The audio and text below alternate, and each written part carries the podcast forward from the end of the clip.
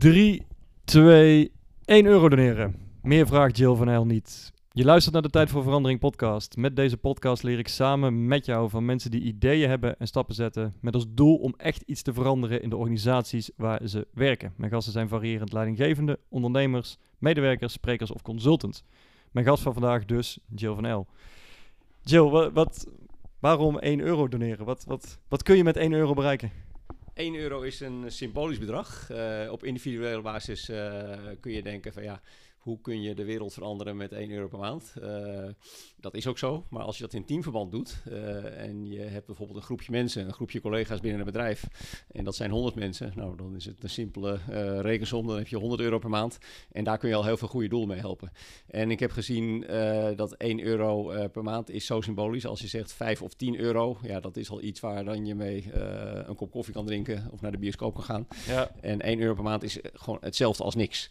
Ja. En dat is eigenlijk waarom ik besloten heb van dat het daarbij moet blijven. Ja, want vertel, je, je wil dat dat organisaties meer betrokken raken bij goede doelen. Of in ieder geval dat de donaties opgewekt uh, worden. Ja, en vooral op een simpele manier. En vooral uh, bottom-up. Uh, vooral dat het echt van de mensen komt en niet zozeer van de directie. ik heb ja. zelf gezien, ook door persoonlijke omstandigheden, nou ja, dat er uiteraard veel noodzaak is om geld in te zamelen. Mm-hmm. Maar dat het ook heel mooi is wanneer bedrijven dat doen via hun medewerkers op een vrijwillige manier. Hè, dat mm-hmm. medewerkers vrijwillig 1 euro van hun salaris afstaan. Ja. Dat ze dat op een interne rekening neerzetten. Dat houdt dus in dat ik nergens aankom. Ik blijf overal vanaf. Ja. En dat er dan ook uh, bottom-up op een hele democratische manier wordt besloten, uh, na zes maanden of na een jaar, aan welk goed doel het opgespaarde geld gegeven wordt. Dat is eigenlijk het hele, het hele idee. Ja, ja, um, dat, dat, dat, en dat is een mooi idee. Het, uh, we, we doen een stapje terug. Jij hebt mij op een gegeven moment um, gemaild. Jij woont nu nog in Spanje. Um, je bent daar naartoe verhuisd vanuit Nederland. Je komt weer terug. Um, en je zei op een gegeven moment, joh, ik zie dat jij in, de, in het sprekerscircuit zit en ik heb een verhaal. En nou goed. En de eerste keer dat ik jouw verhaal op papier zag, dacht ik van, dat verhaal ken ik. Hè? In de zin van, um, vroeger uh, ging ik voor het geld en nu heb ik ontdekt dat andere dingen belangrijk zijn. De, de, de stichtingen, de foundations, hè? Dat, dat is op zich ja. een, een bekend verhaal. En toch, we, A, we hadden een klik, maar B, er zat ook wel iets in jouw verhaal. En ik wil daar luisteraars in meenemen. We hebben gisteren samen opgetreden op een congres. Um, daar zag ik het ook weer gebeuren. Dit, is, dit is een heel mooi verhaal. Um, kun je eens iets schetsen over um, jouw levensjaren 20 tot 30 en wat er toen veranderd is, zeg maar. Ja, nou ja, uh, dankjewel in ieder geval voor deze, voor deze samenvatting. uh, nee, het is inderdaad, uh, als ik terugkijk, ik ben nu 51, maar tussen mijn 20ste en 30ste was ik eigenlijk uh, heel erg gefocust op veel geld verdienen en een snelle auto rijden. ik dacht dat dat geluk was. Nou, dat heeft dan ook te maken met de leeftijd die je hebt. ik had ook best wel een, een wat moeilijke jeugd, maakt allemaal niet uit. mijn droom op mijn 15e was dat ik een Porsche wilde hebben voor mijn 30ste. Nou, daar ben ik heel hard aan gewerkt en dat is me zelfs ook nog gelukt. Uh, eerder dan uh, de bedoeling was. Op mijn 28ste, om een lang verhaal kort te maken, uh, dankzij een bedrijfje wat ik had opgezet. nou, dat begon hard te lopen en toen reed ik inderdaad in die mooie auto rond.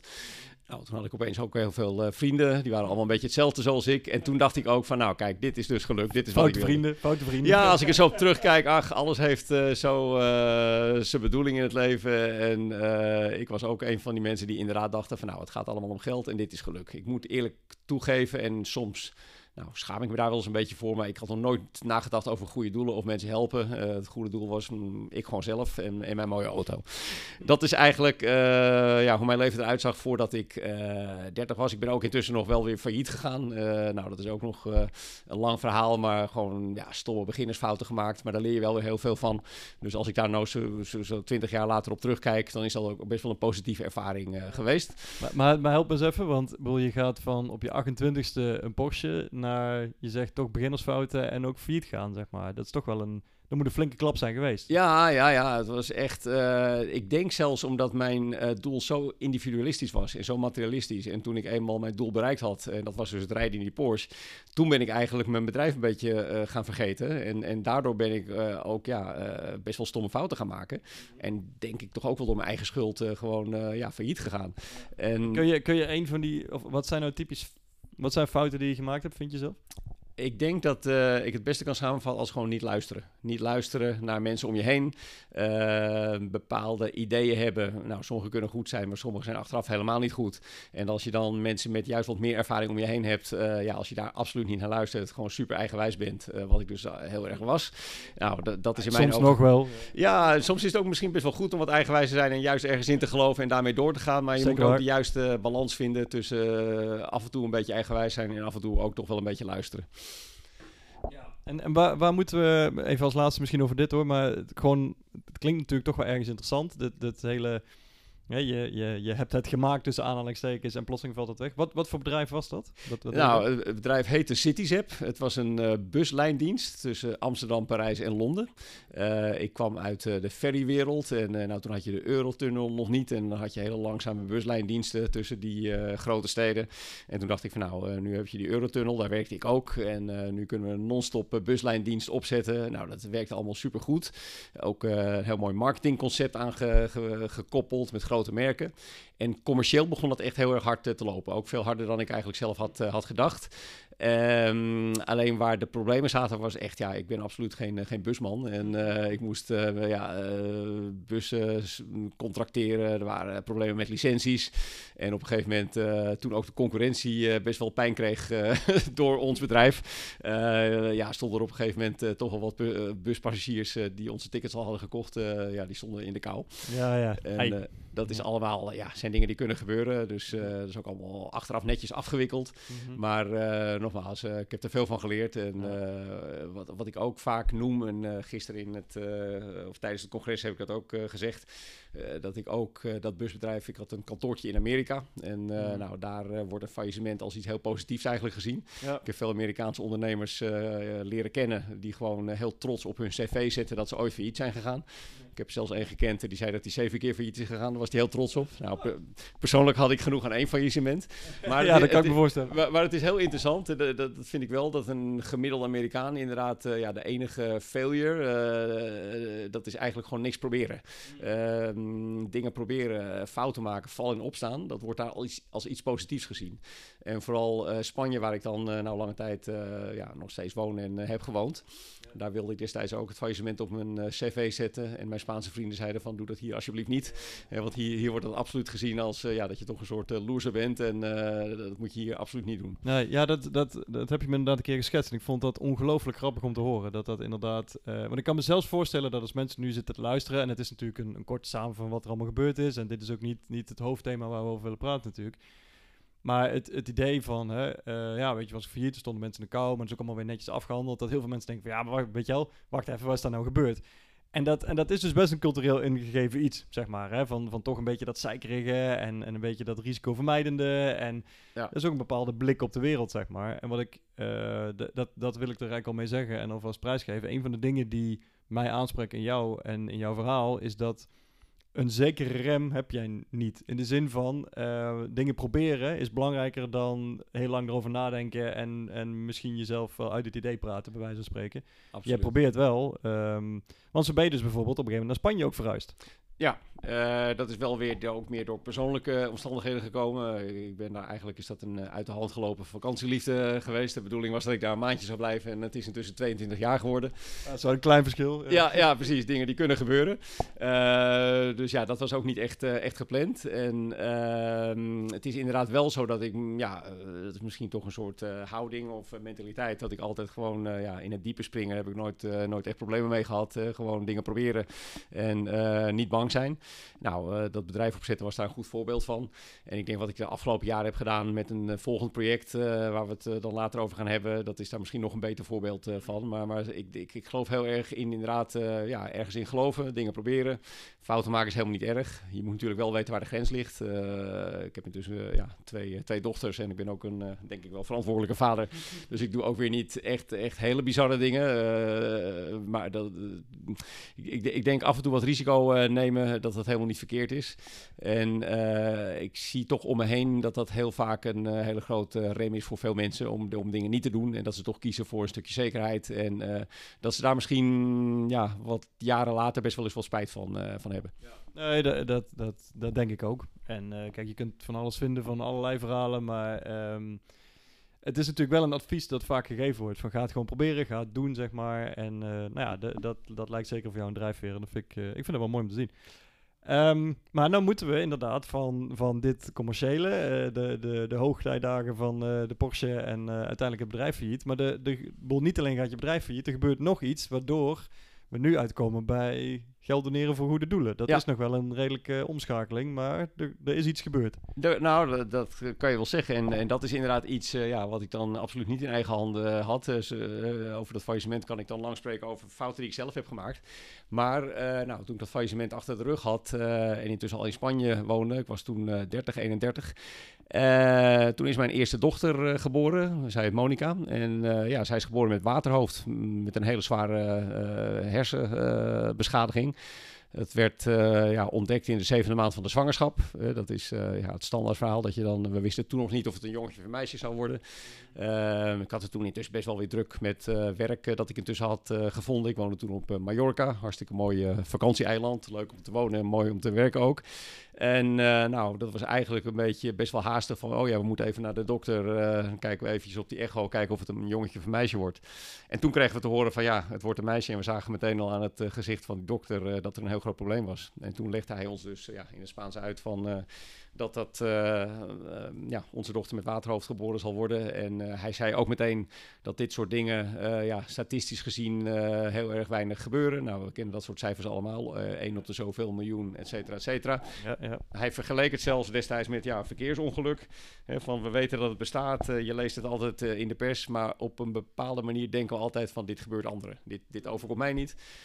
Tot er de dag dat het je wel gebeurt en uh, ja, dan, dan verandert je leven compleet. En uh, dat is dus ook uh, in mijn geval gebeurd. Ja, want, want zij is... Ik ben even aan het zoeken hoe je dat gisteren ook alweer... te verwoorden je dat mooi. Dat, dat, um, zij heeft jou dat als het ware geleerd. Van er is meer in het leven dan, dan dat geld, dan het werk, dan et cetera. En niet om nou je hebt daar niet een hele zweverige aanpak in als in uh, werk is niet goed of geld verdienen is niet goed. Maar het heeft wel iets echt betekend voor je, zeg maar. Absoluut, absoluut. Ik denk dat het uh, zelfs is gekomen door uh, dat ik dankzij, tussen aanhalingstekens, uh, de omstandigheden van, uh, van Monica. Ze heeft het eerste jaar uh, nou, praktisch in het ziekenhuis gelegen, allerlei moeilijke operaties doorstaan. Maar door die situatie ben ik in contact gekomen met mensen die helpen. en daar, daar ben ik eigenlijk heel veel bewondering voor. ja, daar kreeg ik heel veel bewondering voor. Of het nou doktoren, verplegers, verpleegsters, vrijwilligers in ziekenhuizen, daarna ook in stichtingen. Dat waren echt mensen waarvan ik dacht, wauw, kijk eens wat die allemaal doen. Niet alleen voor mijn dochter, maar ook voor andere kinderen.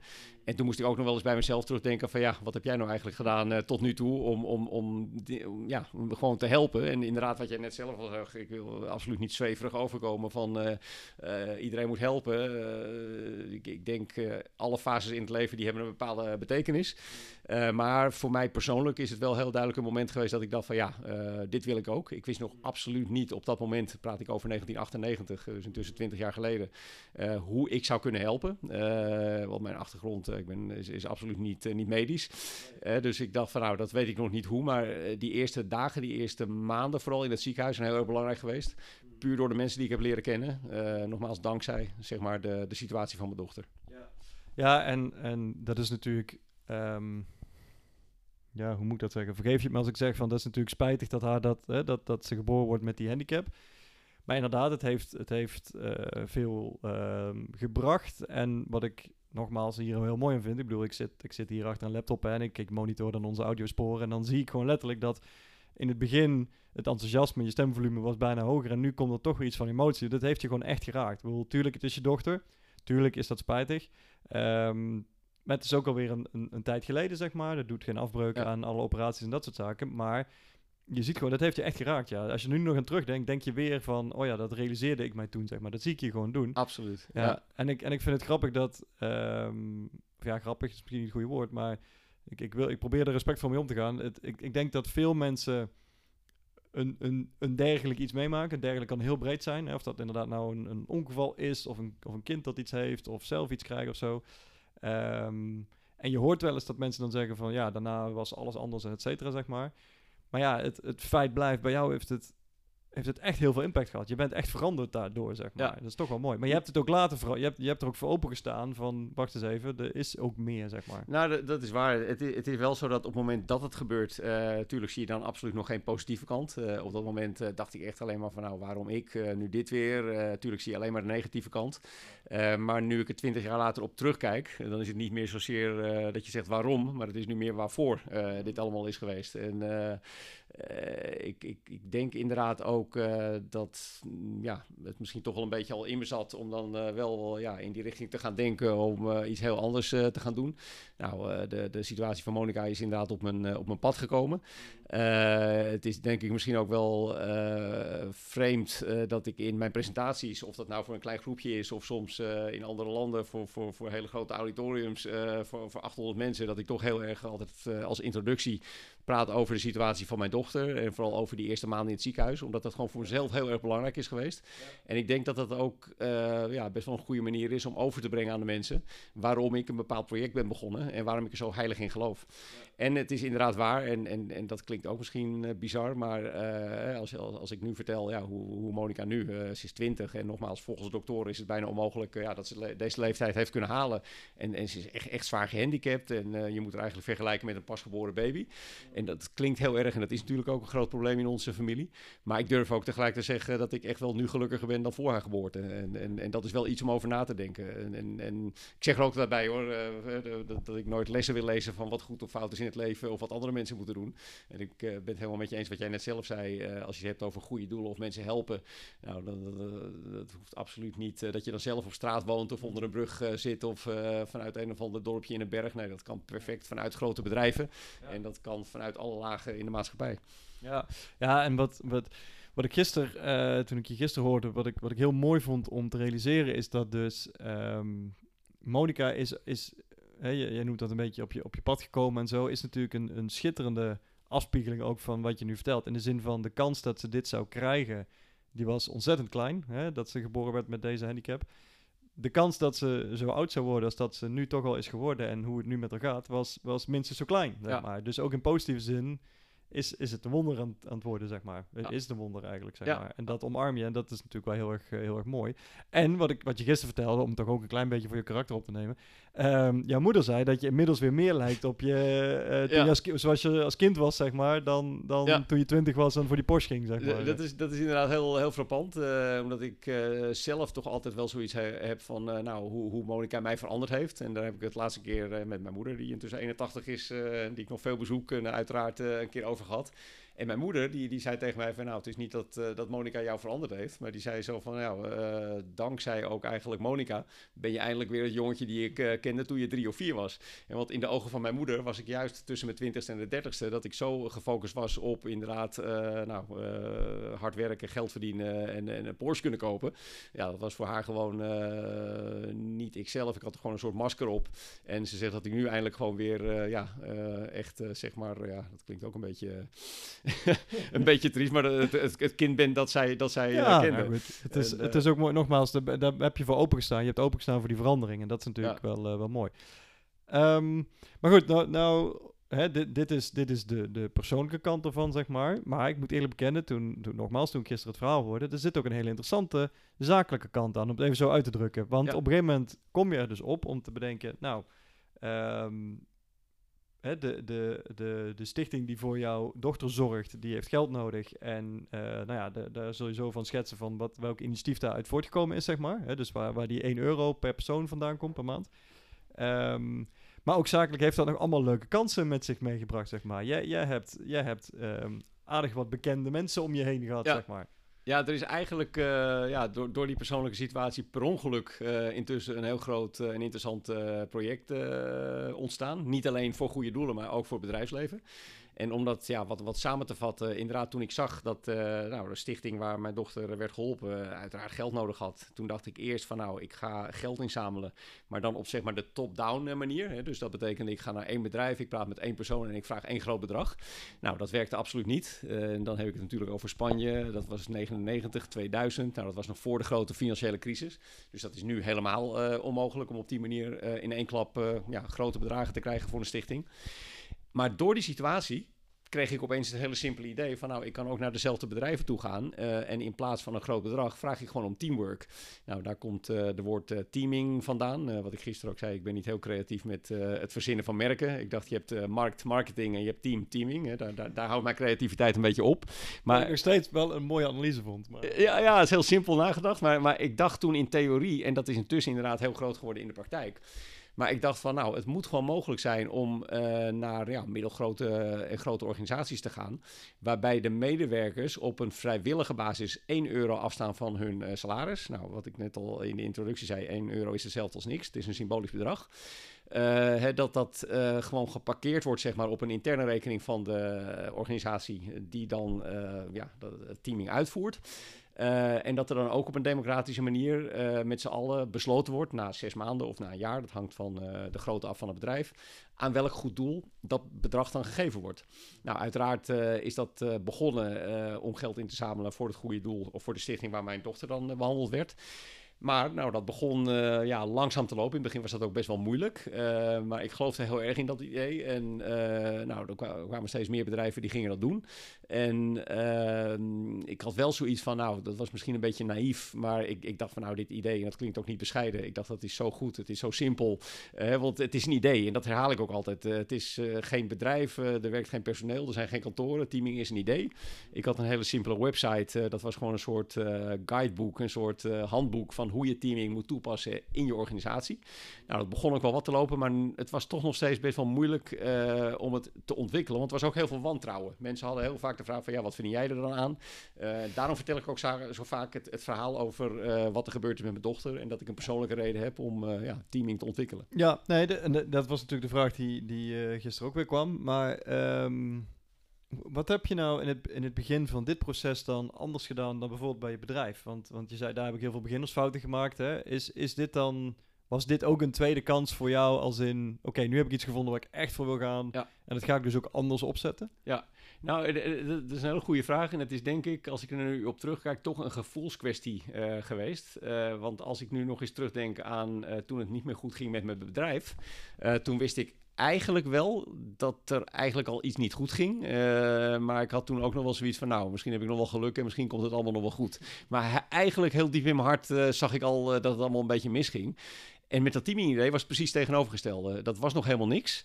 Uh, maar daar had ik juist steeds dat idee van... nee, dit, dit moet gewoon lukken. En, en, en, en dit, dit kan gewoon. En uh, ja, dan kom ik ook weer terug een beetje op misschien die Amerikaanse cultuur... Uh, waar ik dan... Ja, in Amerika kom je hele gekke dingen tegen. En, maar ook wel hele mooie dingen. En wat ik daar heel mooi vind is gewoon groot dromen, groot nadenken... en echt ergens in geloven.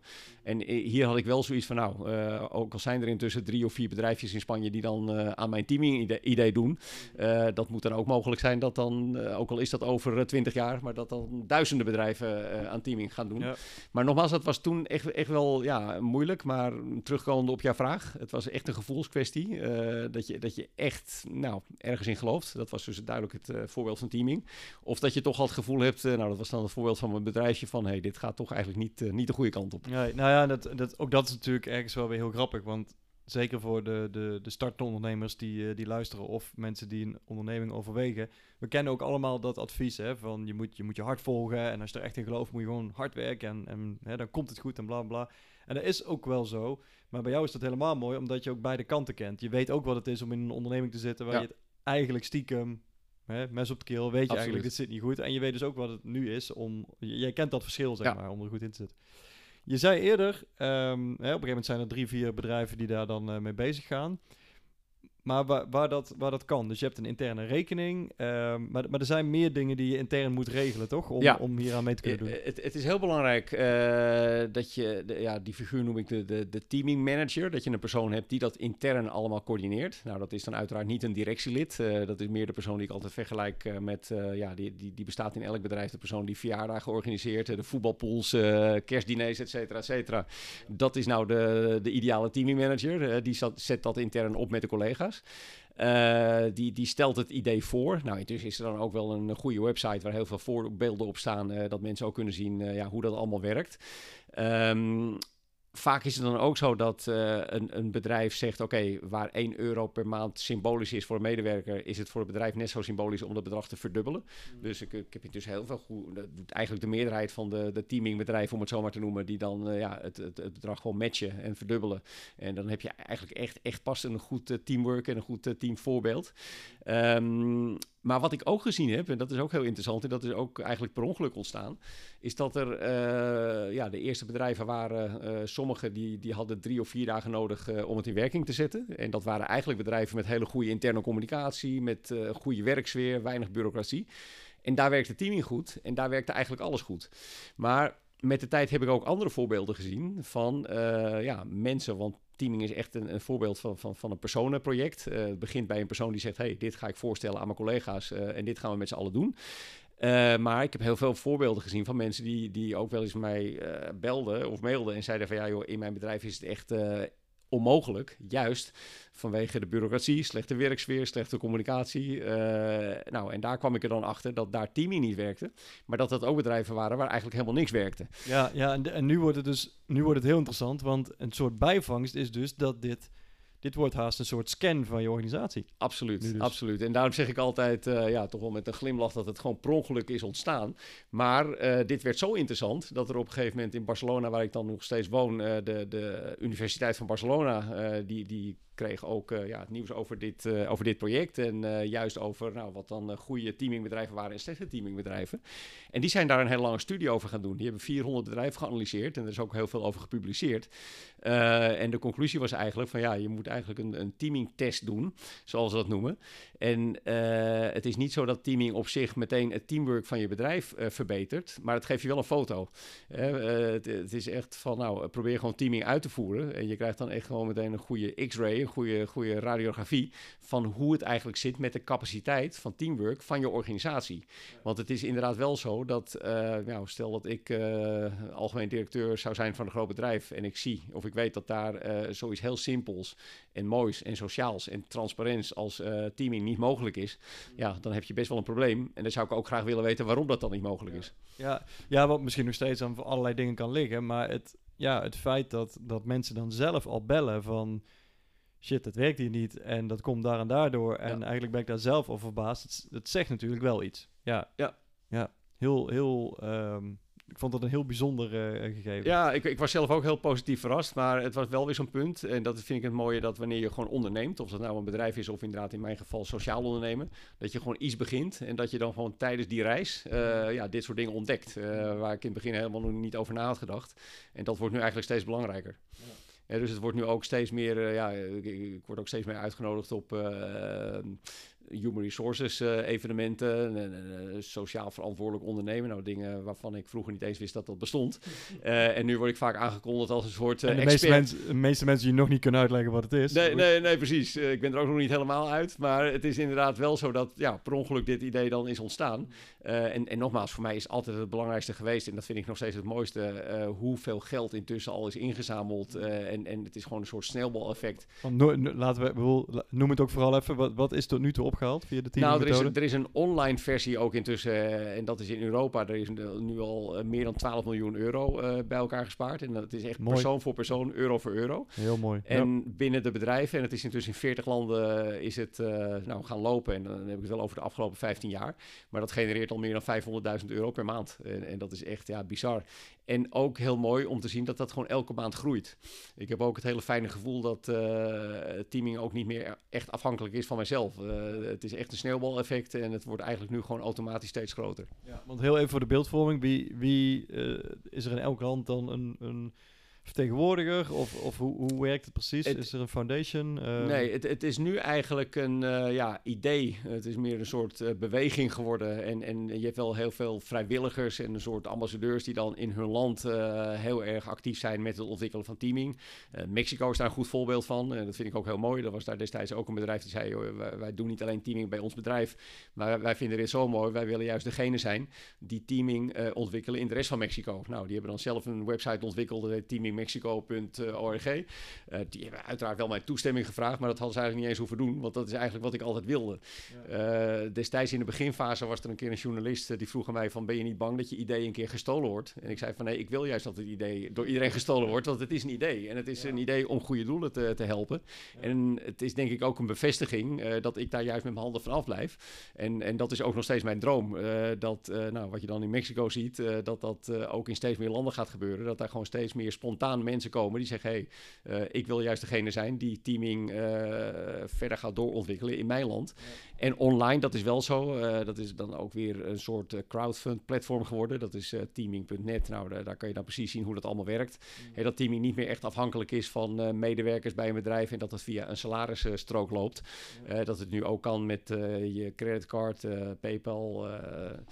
Ja, en, en dan moet je dus nagaan dat hoeveel mensen zich. Uh, kijk, zo'n structuur spreekt je aan of niet. Dat is heel simpel. Jouw idee past hierin of niet. Maar het feit dat je je niet hebt laten remmen door het feit van oh shit, dadelijk neemt iemand het mij af. Hè? Of, of vooral overal maar... Want feitelijk is het ook niet te doen natuurlijk. 40 landen, dit, dit soort bedragen.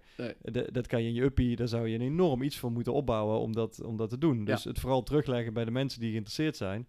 en bij de partijen die dit willen verder helpen... is, is natuurlijk een ja. is een schitterende structuur. Maar ja, maar ja het, het vergt wel een bepaald karakter. Ik, ik, ik, vergelijk het altijd, dat is misschien een beetje een rare vergelijking. Uh, dat ik denk van ja, uh, mijn achtergrond is een beetje, ja, toch marketing. Heb ik ook nog eens wat voor, voor gestudeerd. En dan uh, denk ik van ja, het woord marketing, dat bestond ook heel lang geleden bestond dat niet. Het werd eigenlijk altijd al een beetje gedaan bij de bedrijven.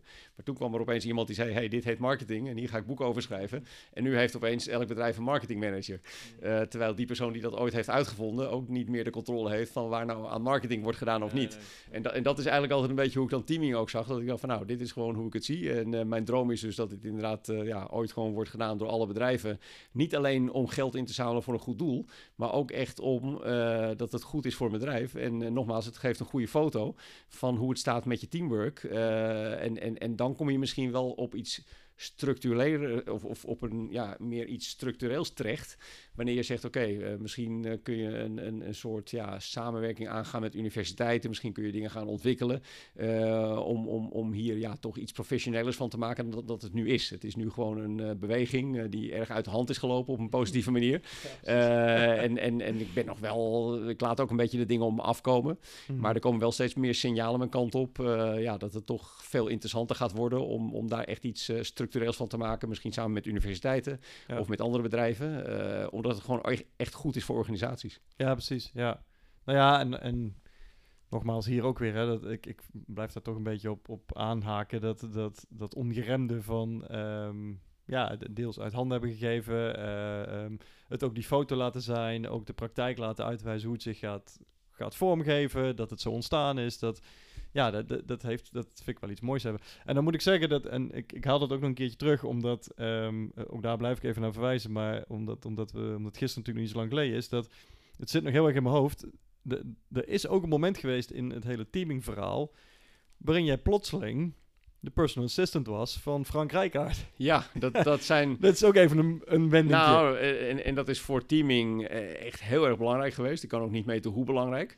Maar het is wel zo, en, en, en dat zijn toch wel wat, wat magische dingen die uh, kunnen gebeuren als je erg, ergens echt in begint te geloven. En dat is ook een beetje gebeurd sinds mijn dochter Monica is geboren. toen teaming in een hele moeilijke fase zat, dat ik wel dacht van oké, dit, dit gaat gewoon lukken. Maar dat was echt nog steeds, nou, ik, ik, vertel dat wel eens als anekdote. Ik had toen een eerste website en uh, ik dacht dat er echt uh, honderden mensen of duizenden mensen al uh, aan het kijken waren hoe ze aan teaming konden doen. En toen ik de eerste statistieken zag, zag ik dat er vier bezoekers per dag waren. Waarvan ik wist dat één bezoeker ik zelf was, de andere mijn vrouw en, en waarschijnlijk twee die zich, die zich vergist hadden. Maar op dat moment dacht ik even, ik moet gewoon doorgaan. Ik geloof er echt in. En, en als je gewoon niet opgeeft, ja, dan gebeuren er inderdaad best wel wat magische dingen. Nou, ik, ik kwam toen in een hele moeilijke fase. Ik zat eigenlijk zonder geld, zonder werk. mijn dochter lag maanden in het ziekenhuis. En toen kwam ik, uh, dankzij een ja, vriendin van mij, uh, kwam ik in contact met Frank Rijkaard.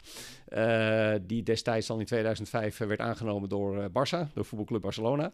En via via kreeg ik dus te horen dat hij en zijn familie eh, heel hard op zoek waren naar een persoon met mijn ja, profiel. Een, een Nederlander die in Barcelona woont, die de talen daar spreekt, uh, die uh, zou kunnen helpen met het zoeken van hun huis, met het zoeken van een school voor, hun, voor hun kind. en, en ja, ik kreeg opeens het mobiele nummer van Frank Rijkaard. En in die hele moeilijke fase, en dat was echt heel bizar, dacht ik van nou, dan ga ik die maar eens bellen. En ja, voordat ik het wist, zat ik inderdaad met Frank Rijkaard aan de koffie. En dat ja, klikte verschrikkelijk snel en praktisch de volgende dag kon ik voor hem aan de slag. Ja, het is, een, het is bijna een te bizar verhaal, zeg maar. De, de, er zitten een aantal momenten in jouw verhaal die... Hè, van, van het vroege Porsche krijgen tot, tot nou, dan toch de, de handicap waar je dochter mee geboren wordt... tot de leeftijd die ze gelukkig ook nu gewoon heeft tot... Um, ja, tot dit soort dingen, zeg maar. Want hier houdt het ook nog niet op. Want je bent dan inmiddels PA voor Frank Rijkaard.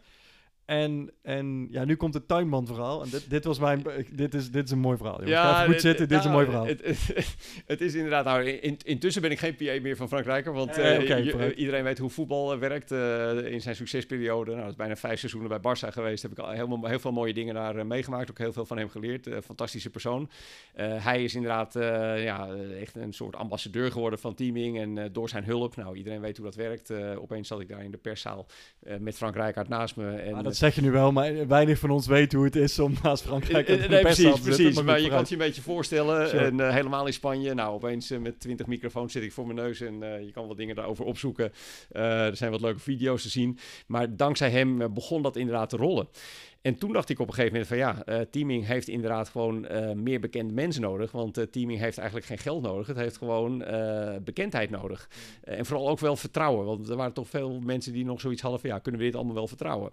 En toen ik het effect zag en de impact van de hulp van Frank Rijkaard, dacht ik van ja, ik moet gewoon op zoek naar andere celebrities. Mm. En toen was ik een keer een soort verlanglijstje aan het maken. En ik dacht van nou, het maakt niet uit of je de muziek leuk vindt of niet. Maar ik dacht nou, Shakira, de zangeres, vooral in Spanje natuurlijk, waar ik eh, waar ik woon, maar ik denk intussen wel in de hele wereld vrij bekend. Heeft zelf een grote stichting, bereikt veel mensen. Ik dacht, nou, ik ben zelf niet eens een grote fan van haar muziek, maar ik ga gewoon contact opnemen met Shakira. nou, dan moeten mensen ook... Ik ga gewoon contact opnemen ja, met Shakira. Mensen moeten daar wel eens om lachen. ik, ik, vertelde dat ook thuis aan mijn vrouw, die zat me ook aan te kijken van, joh, keep on dreaming, dat kan allemaal niet. Maar dan kom je weer terug op gewoon je hart volgen en echt ergens in geloven. En ik wist niet waarom, maar dat was gewoon intuïtie. Ik dacht, ja, ik weet niet waarom, maar ik moet gewoon contact met haar opnemen. Nou, eh, wat ik toen deed, was een paar mails sturen naar haar stichting in Colombia. En uh, nou, daar reageerde natuurlijk niemand op. Want ik neem aan dat zij uh, misschien wel honderden of duizenden mails krijgt uh, om ergens aan mee te werken. Maar wat er gebeurde na het sturen van een vierde mail, die ook nooit beantwoord werd, toen moest ik ja, wat werk doen in de tuin of in het huis van Frank Rijkaard. Ik werkte veel vanuit zijn kantoor van het stadion van, van Barça, maar ook veel vanuit zijn huis in Barcelona. En daar kwam ik de tuinman tegen, een hele aardige vent uit Ecuador. En die zei van, uh, joh, kan je mij even helpen? Parasol vasthouden, een hele grote, zware parasol. Nou, dat ding had ik intussen in mijn handen. Het was juni, het was 35 graden. En met die parasol in mijn hand uh, begon ik ook teaming uit te leggen aan de, aan de tuinman. Want, want dat is wel er, iets waar ik altijd heel erg op hamer. Dat als je ergens echt in gelooft, moet je het gewoon altijd aan iedereen vertellen. Waar dan ook, wanneer dan ook. Uh, dat is echt heel erg belangrijk. En uh, nou, om een lang verhaal kort te maken, ik was een beetje aan teaming, over teaming aan het vertellen. En die tuinman, die vertelt mij opeens van, nou, je weet dat ik ook in andere grote huizen werk in de omgeving van Barcelona. En weet je wie in een van deze huizen ja, deze week is komen verhuizen en wie zich daar heeft gezetteld? En ik nog steeds met die parasol in mijn handen. Ja, je raadt het al. Eh, precies, het is een inkopper. Maar uh, hij zegt inderdaad op een gegeven moment... Shakira met haar hele team. En toen had ik inderdaad zoiets van... nou, ik, ik word hier gefilmd, ik word voor de gek gehouden. Het kan gewoon niet zo zijn dat... Uh, en dan praat ik over 2005, hè, dat, dat Shakira nog helemaal geen relatie had met uh, Barça. Dat is tegenwoordig wat anders. Ja. dat weten ook sommige mensen die het voetbal een beetje volgen. Zij woonde toen in Miami, maar de tuinman die bleef mij gewoon vrolijk vertellen van... nee, nu begint haar World Tour en ze heeft Spanje gekozen als, als basisland. Hier begint haar tour en ze heeft dat huis gekozen voor haar en haar team om daar een basis te hebben. En ik nog steeds met die parasol in mijn hand. Ik dacht, nou, er zijn toch echt heel veel landen in de wereld om een tour te beginnen. En als je dan Spanje kiest, zijn er ook nog heel veel huizen om te kiezen waar je kunt gaan zitten. Het kan geen toeval zijn dat die tuinman mij dat nu vertelt. En toen dacht ik nog steeds, en nog steeds met die parasol in mijn handen, van uh, joh, dit is een kans. Uh, is een, ja, dit is gewoon een gouden kans. Uh, kijken of ik in staat ben om teaming iets beter uit te leggen aan de tuinman. En kijken of hij het misschien kan overbrengen aan Shakira. Nou, hij luisterde naar me en hij zei ook, ik vind het een prachtig idee. En ik ga het aan Shakira vertellen. En toen zei ik ook van, nou, doe je best. Ik ben benieuwd. En toen vertelde ik dit verhaal ook tot hier toe aan mijn vrouw. Dat was al in de namiddag. En die zat me ook aan te kijken van, joh, je hebt de laatste tijd slecht geslapen. Ja, dit, dit hoe lang heb jij de zon gestaan? ja, precies. Het klinkt echt heel bizar. En we zaten een beetje het grapje te maken van, uh, nou, nu gaat Shakira mij bellen dankzij de tuinman. Maar goed, Shakira belde mij niet. Maar het was al wat later en toen kreeg ik wel opeens een telefoontje met zo'n heel lang nummer mm, dat je niet precies weet uh, wie je nou precies belt of vanuit welk land. Nou, en ik werd toen uiteraard in het Spaans uh, kreeg ik een vrouw aan de telefoon met een Zuid-Amerikaans accent en die zei letterlijk van ik heet Gabriela Diaz en ik ben de personal manager van Shakira. En we zitten hier met z'n allen met de tuinman. En ja, die zin zal ik uiteraard nooit vergeten. En wat kan, wat kan ik voor je doen? Uiteraard, uh, om het samen te vatten, ze wisten helemaal niet waar het over ging. Uh, ze wilde meer informatie. Uh, we werden uitgenodigd voor, voor haar concert. Shakira kort leren kennen. En uh, na een paar weken kreeg ik weer een uh, mail van uh, de manager van Gabriella van... joh, Shakira vindt het een prachtig idee. En zij wil haar naam daar ook aan koppelen. En dat is vooral in Zuid-Amerika heel erg belangrijk geweest. ze heeft er ook nou, een paar pagina's over geschreven in een boek dat ik daar heb uitgegeven. En ja, dat is voor teaming heel erg belangrijk geweest. Maar ik denk ook op persoonlijk vlak, en dat is wat ik ook altijd probeer over te brengen. De, het geeft ook aan hoe belangrijk het is om, om absoluut altijd met iedereen in verbinding te staan. En, en dan kom ik nog wel eens terug over uh, of op de periode dat ik mijn ondernemingje had, wat dan niet goed ging. Ja, uh, daar wou, dat bruggetje wou ik ook al maken. Ja, precies. Ja, ik, ik, ik, mooi. daar zit ik nu zelf gewoon over na te denken. Dat ik echt zo'n mannetje was van ja, uh, alles draaide om interesse. Ik dacht van nou, die is belangrijk, die is niet belangrijk. die vent ligt me wel niet, maar is wel interessant. Dus ik word maar vriend met hem. Nou, dat is absoluut de verkeerde weg. En, en zo zat ik vroeger in elkaar. Want uh, kijk eens wat er nu achter die tuinman zat. En uh, ik zie dat ook nog steeds binnen veel bedrijven. Hoe belangrijk het is dat gewoon echt iedereen maar een kans heeft om gewoon ja, ideeën te geven, uh, problemen te definiëren, misschien met oplossingen te komen. En ik zie toch ook nog wel omheen dat er toch nog vaak uh, ja, wel op een bepaalde manier wordt gedacht of gewerkt. Zoals ik vroeger ook was. Van, uh, dat alles uh, om interesse draait. En, en dat juist niet altijd alles wordt gedeeld met echt alle personen die maar binnen een organisatie zitten. of, of juist denk ik als je echt een project hebt. Ik, ik, vind altijd dat er een groot verschil is tussen een project en een droom. want een project, ja, dat heeft een begin en een eind. En dat kan wel leuk zijn, dat kan leuk werken. Maar een droom, dat is iets anders. En ik vind vooral als je een droom hebt, dan, dan blijft het belangrijk. En daar hamer heel erg op om dat echt altijd aan iedereen te vertellen. Uh, ook als er problemen zijn, dan moet je helemaal niet voor schamen. Uh, want juist als je dat aan iedereen vertelt en met iedereen deelt, uh, is het juist, denk ik, ook vaak de persoon waarvan je het minste verwacht, die dan juist met de oplossing kan komen. Ja. ja, het is, ja, kijk, we moeten langzaam naar een einde toe. En ik zou bijna zeggen, wat, wat moet ik aan deze wijze les toevoegen? Het is, het is, een, het is een schitterende gedachte en... Het, het mooiste vind ik bij jou, dat, dat, ik heb het een paar keer onder woorden proberen te brengen, maar dat uh, het, ik noem maar even het ongeremde van... Het, jij wil het ook niet anders zien, zeg maar. Je wil ook niet... Misschien is dat het Spaanse, misschien is dat het, het uh, misschien is het hartstikke naïef, dat weet ik niet. Maar um, er zijn zoveel momenten in jouw verhaal waarin je had kunnen denken, ah, maar dit kan niet, of dit gaat niet gebeuren, of wat dan ook, zeg maar. En zonder inderdaad nou waanzinnig rare dingen te doen, of uh, enorme risico's te lopen, maar vooral door je verhaal te delen en anderen te stimuleren om dat te doen. Um, ja, ben je gewoon heel ver um, uh, gekomen. Ja. Dus is er gewoon heel veel, heel veel moois gebeurd.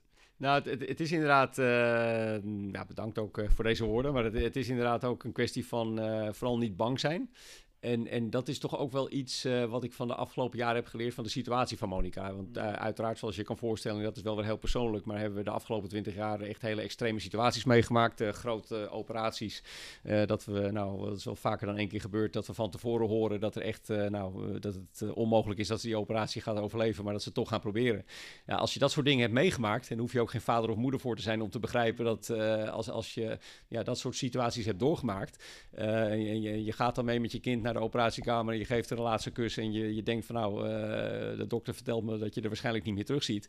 Uh, dat vertel ik ook heel vaak, omdat je dan leert echt zonder angst te leven. Want wat dan vroeger voor mij problemen waren, nou, dan kan ik het hebben over een, een, een scheiding of dat je ontslagen wordt bij een bedrijf of nou, dat Oranje zich weer niet is plaats voor een WK of een EK. Nou, daar, daar kon ik vroeger over wakker liggen. Maar als je dat soort Met Frankrijk Bijvoorbeeld. En nou, als je dat soort situaties hebt meegemaakt, ja. dan komen dat soort problemen tussen aanleidingstekens op een heel ander niveau te staan. En, en dan voel je ook een bepaalde vrijheid om echt aan zo'n droom te kunnen werken. En, en ja, dat, dat helpt ook heel erg. Maar dat neemt niet weg dat je uiteraard ook uh, s'nachts wakker wordt en dat je denkt, oh, hoe kom ik in godsnaam ja. deze maand weer door? Want, want, vaak krijg ik ook wel eens de vraag van, joh, uh, alles klinkt zo mooi en positief. Heb je nooit iets negatiefs meegemaakt? Mm. meegemaakt? En, nou ja, nooit iets negatiefs, dat zou ik nou, willen zeggen. Maar, ik, ik, ik heb ook wel geleerd, uh, of ik zeg ook wel eens, als ik zou moeten praten over alle negatieve ervaringen van, van de afgelopen zelfs 20 jaar, over het ontwikkelen van het teaming-project, nou, dan heb ik nog meer tijd nodig en dan zou ik nog meer boeken over kunnen schrijven. Maar ik heb ook geleerd dat je juist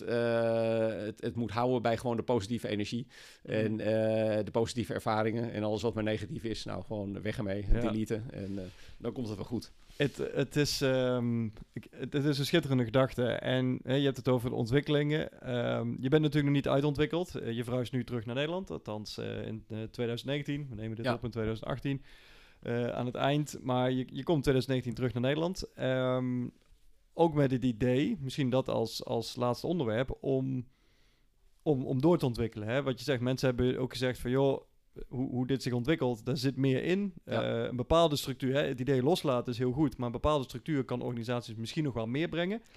Um, en dat is ook een beetje hoe wij op elkaars pad zijn gekomen. Want, want ja. ik ging aan op dat persoonlijke verhaal en, en de, de, ja, de soms hilarische ervaringen die erin zitten.